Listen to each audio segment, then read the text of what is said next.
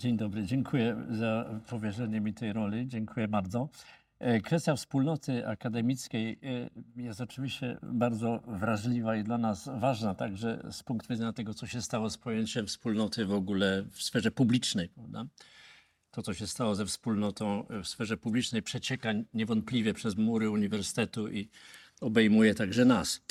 E, wspólnota jest ważna. Ja rzuciłem, e, przeczytałem kilka misji uniwersyteckich. Nie będę tym Państwa nudził, ponieważ większość z Państwa przecież zna misję swoich uniwersytetów. Zaczęliśmy od tego, że pewnie nie da się rozważań o wspólnocie akademickiej, o rozwieść od tego, co się stało ze wspólnotą poza murami uniwersytetu, bo to wszystko przecież przenika i przesiąka. E, rzuciłem okiem na kilka misji uniwersyteckich i, i, i wszystkie one albo używają wręcz słowa wspólnota, albo używają pojęć typu na przykład społeczność.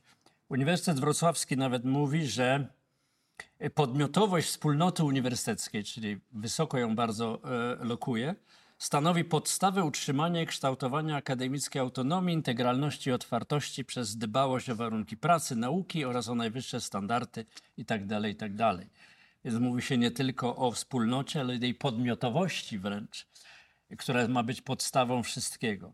Uniwersytecie Łódzkim czytam o społeczności otwartej na świat i o, cytuję, stale poszerzającej się wspólnocie. Więc te słowa zachowały ważność, e, a jednocześnie, zwłaszcza w świecie po pandemii, e, dobrze wiemy, że e, upierając się przy tym słowie wspólnota i słusznie, wiemy, że coś się z nim stało. Cytuję z ostatnio wydanej książki Piotra Nowaka, filozofa z Białego Stoku, który mówi bardzo szybko, to jest refleksja popandemiczna, więc trzymajmy jeszcze w tyle głowy kwestię pandemii, o której nie będziemy tu teraz mówić, bo nie ma czasu. E, bardzo szybko rozstaliśmy się z myślą o uniwersytecie jako terenie współpracy mistrza z strzeladnikami o wykuwającej się każdego dnia wspólnocie wolnych duchów. E, no więc pozostaje wspólnota jako pojęcie fundacyjne, podmiotowe, a jednocześnie pozostaje pewna gorycz sformułowania, e, e, która wynika z tego, że ta wspólnota jest albo bardzo chora, albo wręcz jej nie ma i zachowuje się tylko jako pewnego rodzaju wizja pewnej nostalgii. Oczywiście wiele jest powodów, o których tu nie będziemy wszystkich mówić. Jednym z tych powodów jest to, co się dzieje na zewnątrz. Inny powód to jest to, że uniwersytet jest w ogóle w paradoksalnej sytuacji, bo mówi o wspólnocie, a jednocześnie jest podzielony na fakultety, przed samego początku rozproszony. E, te, dlatego te fakultety w tradycyjnym wydaniu, na przykład Kanta w słynnym eseju, mają zależności między sobą, ale to zostawiamy na boku. E, uniwersytet jest siłą rzeczy hierarchiczny, ale w świecie, który nie chce hierarchii, bo uważają za formę dominacji i opresji. No? E, chce być miejscem intym, w najszlachetniejszym tego słowa intymnego kontaktu między ludźmi, ale wszyscy jesteśmy poddani całkowicie bezosobowym procedurom y, ocennym. E, więc e, uniwersytet w dodatku e, jest od zamyślania się, jeżeli czas pozwoli, to chciałbym wrócić do tego pojęcia, czyli od prokrastynacji, e, którą świat dzisiaj uważa za stratę czasu. Nie wiem, czy Państwo zwrócili uwagę, ale bodaj 4 czy 5 września jest Międzynarodowym Dniem Walki z Prokrastynacją. Ona jest tam rozumiana jako walka z tym, co odwleczone, ja rozumiem.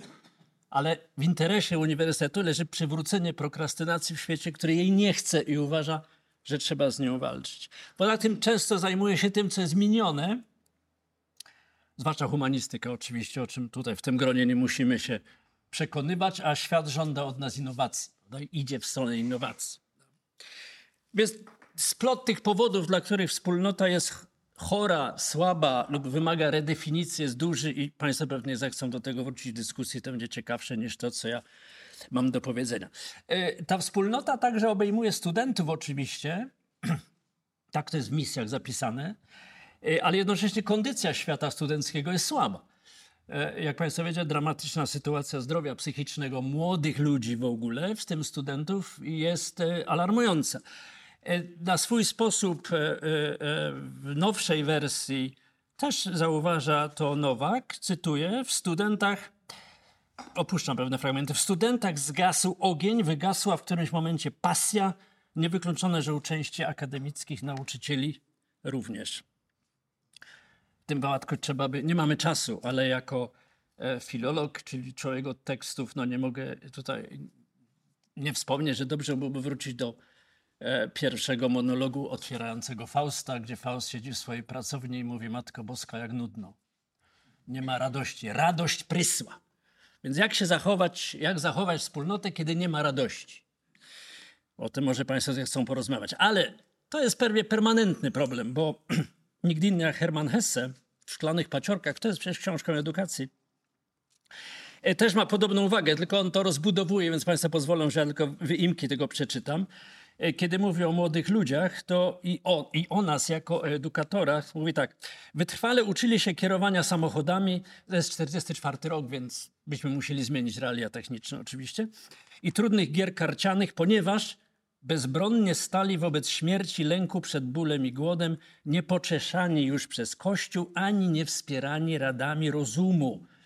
Oni, którzy czytali tak wiele artykułów i tyle słuchali wykładów, nie umieli zdobyć się na wysiłek i znalezienie czasu, by odpornić się na lęki, zwalczyć w sobie strach przed śmiercią, żyli z dnia na dzień wśród drgawek, bez wiary w jakiekolwiek jutro.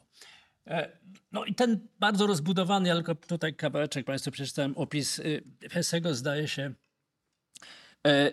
dobrze, dobrze tutaj oddawać sytuację, a napięcie i szybkie zmiany w świecie techniki oczywiście to, e, to tylko stymulują, więc pytanie, jak powinno się zachować, jak budować wspólnotę w tych warunkach. Nie, nie, nie chciałbym tutaj odwoływać się do pewnych takich luddystycznych tendencji, które są niechętne maszynie w ogóle, ale taki w sumie entuzjasta postępu technicznego, już nie żyjący niestety Bernard Stiegler, e, też mówił bardzo wyraźnie, cytuję teraz, Facebook i smartfon, systemy te prowadzą do funkcjonowania, funkcjonalnego, przepraszam, zintegrowania konsumenta, który stał się czymś rodzaju cyfrowej mrówki, jest sterowany przez algorytmy na podobieństwo zamieszkujących mrowiska mrówek. Sieci społecznościowe spustoszyły świat. E, no więc sytuacja takiego spustoszenia E, e, e, się znajdujemy. No i teraz kwestia, jakby z tego, jakby z tego wybrnąć. Oczywiście pewnie Państwo w dyskusji będą mieli znacznie więcej ciekawych rzeczy do powiedzenia. Ja mogę tego zasugerować dwie. Po pierwsze, pewnie trzeba by powiedzieć, że jesteśmy, wracam do pojęcia namysł, które jest pojęciem bardzo ważnym. I, i ja tutaj idę tropem Hansa Blumenberga, który w ogóle do tego pojęcia namysł, zamyślenie, Nachdenklichkeit w oryginale, przywiązuje bardzo wiele wagi i mówi o nim tak, jest to wyzwolenie od celowości i z tego wyrasta wszelka kultura. Już w nawet najbardziej prymitywnych przejawach, w ozdobach, w ornamencie zawarty jest ów gest wyzwolenia się od celowości, zawieszenia ekonomii. Idzie dalej, ja już to dalej nie będę cytował. E, oczywiście my możemy sobie w tej chwili zadać, jak to się tłumaczy na, na język naszej profesji. myślę, że tłumaczy się poniekąd w ten sposób, że e, zachowując cały szacunek dla wagi rynku pracy, e, że jednak zbyt wielki akcent położyliśmy na dopasowanie kształcenia uniwersyteckiego do rynku pracy, który jest przecież rynkiem zmiennym, e, chimerycznym, e, w dodatku wobec przyspieszenia technicznego często nieprzewidywalnym. Zawody się zmieniają, często kształcimy do zawodów już minionych w pewnym sensie. I w związku z tym przypominam, to nie jest też nowa intuicja. I tu byłbym wielką rolę humanistyki, jednak lekceważonej.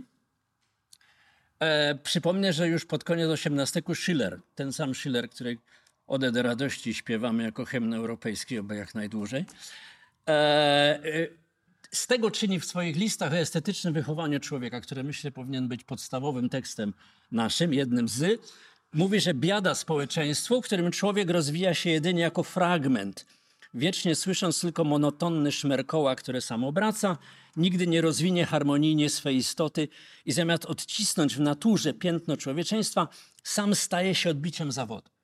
Wydaje mi się, że to się stało y, udziałem z naszym dramatem dopasowując się bezkrytycznie do rynku pracy, czyli odchodząc od zamyślenia, wychowaliśmy e, ludzi, którzy widzą sens życia w spełnianiu zawodu, co jest bardzo ważne, ale kiedy człowiek staje się, jak mówi Schiller pięknie w przekładzie Jerzego Prokopiuka, staje się odbiciem swojego zawodu tylko, pozostaje pytanie, czym on i czym on jeszcze jest, czy tylko tym. To pytanie całkowicie e, zeszło i na tym być może polega też kryzys humanistyki, która nie chciała podjąć lub nie może, lub może nie chce, nie wiem, Państwo będą wiedzieć lepiej, podjąć tego zagadnienia, być może zbytnio wycofana wobec prych bardziej użytkowych dyscyplin rynkowych. E, więc to jest jak gdyby pierwsza uwaga o rynku pracy i o naszej zależności od rynku pracy i od mankamentu polegającego na tym, że udane życie utożsamiliśmy z udanym życiem zawodowym, które jest niezwykle ważne. Podkreślam jeszcze raz, byłbym ostatnim, który chciałby go lekceważyć. Ale sprowadziliśmy e, to do tego i to się stało pewnego rodzaju problemem. Druga kwestia to, co z tym, co z tym można zrobić. E, no i chciałem Państwu zaproponować zupełnie taki, jak to Ryszard, nie, któryś z kolegów dzisiaj, mówią, Rafał, chyba o tym mówił, heretycki e, punkt, punkt widzenia. Mianowicie oprzeć nasze kształcenie humanistyczne, ono jest dzisiaj pod różnymi naciskami, jak dobrze wiemy, w tej świetnej analogii, do której dzisiaj wracamy, na przykład wraca do niej E, pan Napiórkowski w swojej książce o opowiadaniach przyszłości, mianowicie do e, e, z 50. lat kontrastu w słynnym eseju C.P. Świata nauki i świata kultury, prawda? Dzisiaj się pojawił, te dwa światy się nie porozumiewają tym samym językiem, właściwie nie porozumiewają się w ogóle. Do tego dopisałbym jeszcze trzeci świat, który u Snowa jest nieobecny, być może dlatego, że czachy historyczne były inne, mianowicie świat polityki, który przechwyca E, e, e, doświadczenia jednego i drugiego świata, czyli świata kultury, nazwijmy to szeroko, i świata nauk i używa je wyłącznie do swoich celów, nie poddając ich żadnej refleksji, która mu przeszkadza. Kto z Państwa oglądał Oppenheimera, to widział ten przejmujący moment, kiedy Truman przyjmuje już po wszystkim, przyjmuje Oppenheimera, ten mu się zwierza ze swoich wątpliwości moralnych, a Truman tam klepie go po ramieniu, mówi fajnie, fajnie, wyprowadza go i potem mówi sekretarzowi, nie przyprowadzajcie mnie więcej tej beksy. Uh, take, this, take this crybaby away from me. No. I to jest to, co robi świat polityki, dla którego jesteśmy beksą. I teraz trzeba by wyważyć między tymi trzema światami, żadnego z nich nie lekceważąc. E, co z tego by wynikało? Myślę, że warto by rozejrzeć się za trzema takimi E, e, pojęciami. Jednym z nich jest rozejm. Dlaczego mówię o rozejmie? Dlatego, że mm, nie wierzę w permanentny pokój. Historycy pewnie poprawią mnie historycy, ale Jan Gottlieb Bloch, który był niezwykłą osobowością, nie czas, żeby o nim mówić, w 1900 roku wydał pięciotomowe dzieło o wojnie. I ma takie wyliczenie. Chociaż wojny w pojedynczych państwach cywilizowanych nie były częste, ogółem jednak wypada, że na całej kuli ziemskiej od roku 1469 przed Chrystusem, z grubsza wojna trojańska, nawet troszkę dalej, do roku 1860 naszej ery, czyli w przeciągu 3, ponad 3000 lat, było tylko 227 lat pokoju. To znaczy 13 latam wojny odpowiadało jeden rok pokoju. Jak zatem uczy historia, całe życie ludzkie upłynęło w nieustannej wojnie. Tego uczy historia, tego uczy nas dzisiejsza polityka zewnętrzna. Nieustannej wojny. Bo to jest wojna albo na poważnie, albo to jest wojna, bo przyzwyczailiśmy się do braku powagi pytona z bambikiem. E, ale, ale mamy, mamy to I, i, po, i, i powinniśmy porzucić w ogóle myśl o permanentnym pokoju, zwłaszcza, że wspomniany Blumenberg patrzy też na to e, e, głębiej, ontologicznie i w swojej książce o świętym Mateuszu Mówi tak: Istota śmiertelna nie może być bez winy. A ta wina polega na tym, że z powodu swego ograniczonego w czasie życia człowiek nie jest w stanie kochać bliźniego jako rywala w walce o wszelkie dobra życiowe. No więc skoro historycznie i ontologicznie jesteśmy skazani na konflikt, kłania się Heraklit, polemos jest ojcem wszech rzeczy, dlatego może trafniej byłoby, żebyśmy w uniwersytetach zastanawiali się nad rozejmem. E, rozejm oznacza e, nie e, marzenie o stałym pokoju, też Kant się kłania, ale nie ma czasu, tylko żebyśmy prowadzili rozmowy nad sensownym, publicznym językiem, który zachowując znaczenie konfliktu, który jest niezbędny, jak z tego widzimy, Kłaniam się teraz spuściźnie państwa patrona, czyli Kotarbińskiego. W późnym tekście tej książeczce o człowieku Kotarbiński mówi, na czym polega etyka sporu. I teraz go cytuję, bo to jest y, cytat, który wszedł mi w pamięć. Ani kroku poza niezbędną konieczność bojową. I to jest niezwykle cenne wskazanie. Rozum to jest nauka o tym, jak nie czynić, jak konfliktując się, nie czynić ani jednego kroku poza niezbędną konieczność bojową. Jeśli Państwo patrzą na język sprawozdawców sportowych, on jest po prostu skandaliczny. Przeciwnika się nie zwycięża, jego się miażdży, wdeptuje, roznosi, rozstrzeliwuje, A propos, nie wiem jaki był wynik meczu wczoraj, ale dla Wyspowczych? E, to szkoda. Dobra, więc to jest jak gdyby pierwszy problem. Pracujmy nad rozejmem, realistycznie. Nad rozejmem, żeby... E, Jak to zrobić? No, y, można by y, próbować tutaj zastanowić się, prowadzić katalog spraw e, e, ważnych, o których trzeba rozmawiać. E, Gdzieś znajduję, nie mam tutaj tego wyimku, katalog czterech pot- potrzeb absolutnie niezbędnych e, do życia człowiekowi. Wolność, bezpieczeństwo, dobrostan, a nie pamiętam czwarty. Gdyby, gdyby się skupić na tych pojęciach, formułując nasze zajęcia, nasze problemy, e, wplatać te problemy w profesjonalne kursy, które prowadzimy, e, może stanęlibyśmy nieco bliżej e, tego świata wspólnotowego i w ten sposób to byłby ten trzeci aspekt. e, e, Promowali, e, nieładne słowo, przepraszam, e, byli zwolennikami postawy obywatelskiej, prawda? bo chodzi nam przecież o to, e, o, o, o to obywatelstwo właśnie. Przykład, e, bo chyba już muszę kończyć, ale przykład, przykład znowuż jest e, z książki Nowaka. Interesujący przykład. Otóż Nowak mówi, że kiedyś profesor Axer poprosił go o hospitację e, e, kursów na Artes Liberales, które ma taką ambicję właśnie kursów trans, inter i tak dalej, i tak dalej. No i mówi tutaj e, w którymś momencie Nowak o tym, że z tego niewiele wyszło, dlatego że, już cytuję, na jednych zajęciach biolog uczył o budowie żaby, a na innych antropolog przekonywał, aby żab nie deptać, ponieważ nie wpływa to dobrze na nasze relacje z otoczeniem. Z pierwszym chodzili e, studenci do zoo, z drugim do kina. Przekonywałem profesora Aksera, że początkiem wspólnej pracy na różnych, niekoniecznie konwergentnych obszarach ma być opracowanie jednego sylabusu przez powiedzmy czworo uczonych z różnych segmentów nauki. Pomijam dalszy ciąg, bo już zainteresowani znajdą.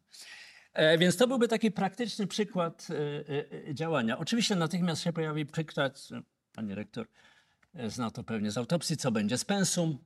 I, I oczywiście pojawią się problemy biurokratyczne, ale musimy to jakoś rozgryźć, żeby była w ogóle możliwość mowy o kontynuacji wspólnoty nie w sensie nostalgicznym, tylko tej wspólnoty, która uwzględniając realia, także techniczne świata, w którym e, żyjemy, e, e, próbowałaby nas doprowadzić z powrotem do tej wagi wspólnoty, którą Państwo stwierdzacie w misjach, że to jest podmiotowość wspólnoty, decyduje o wszystkim.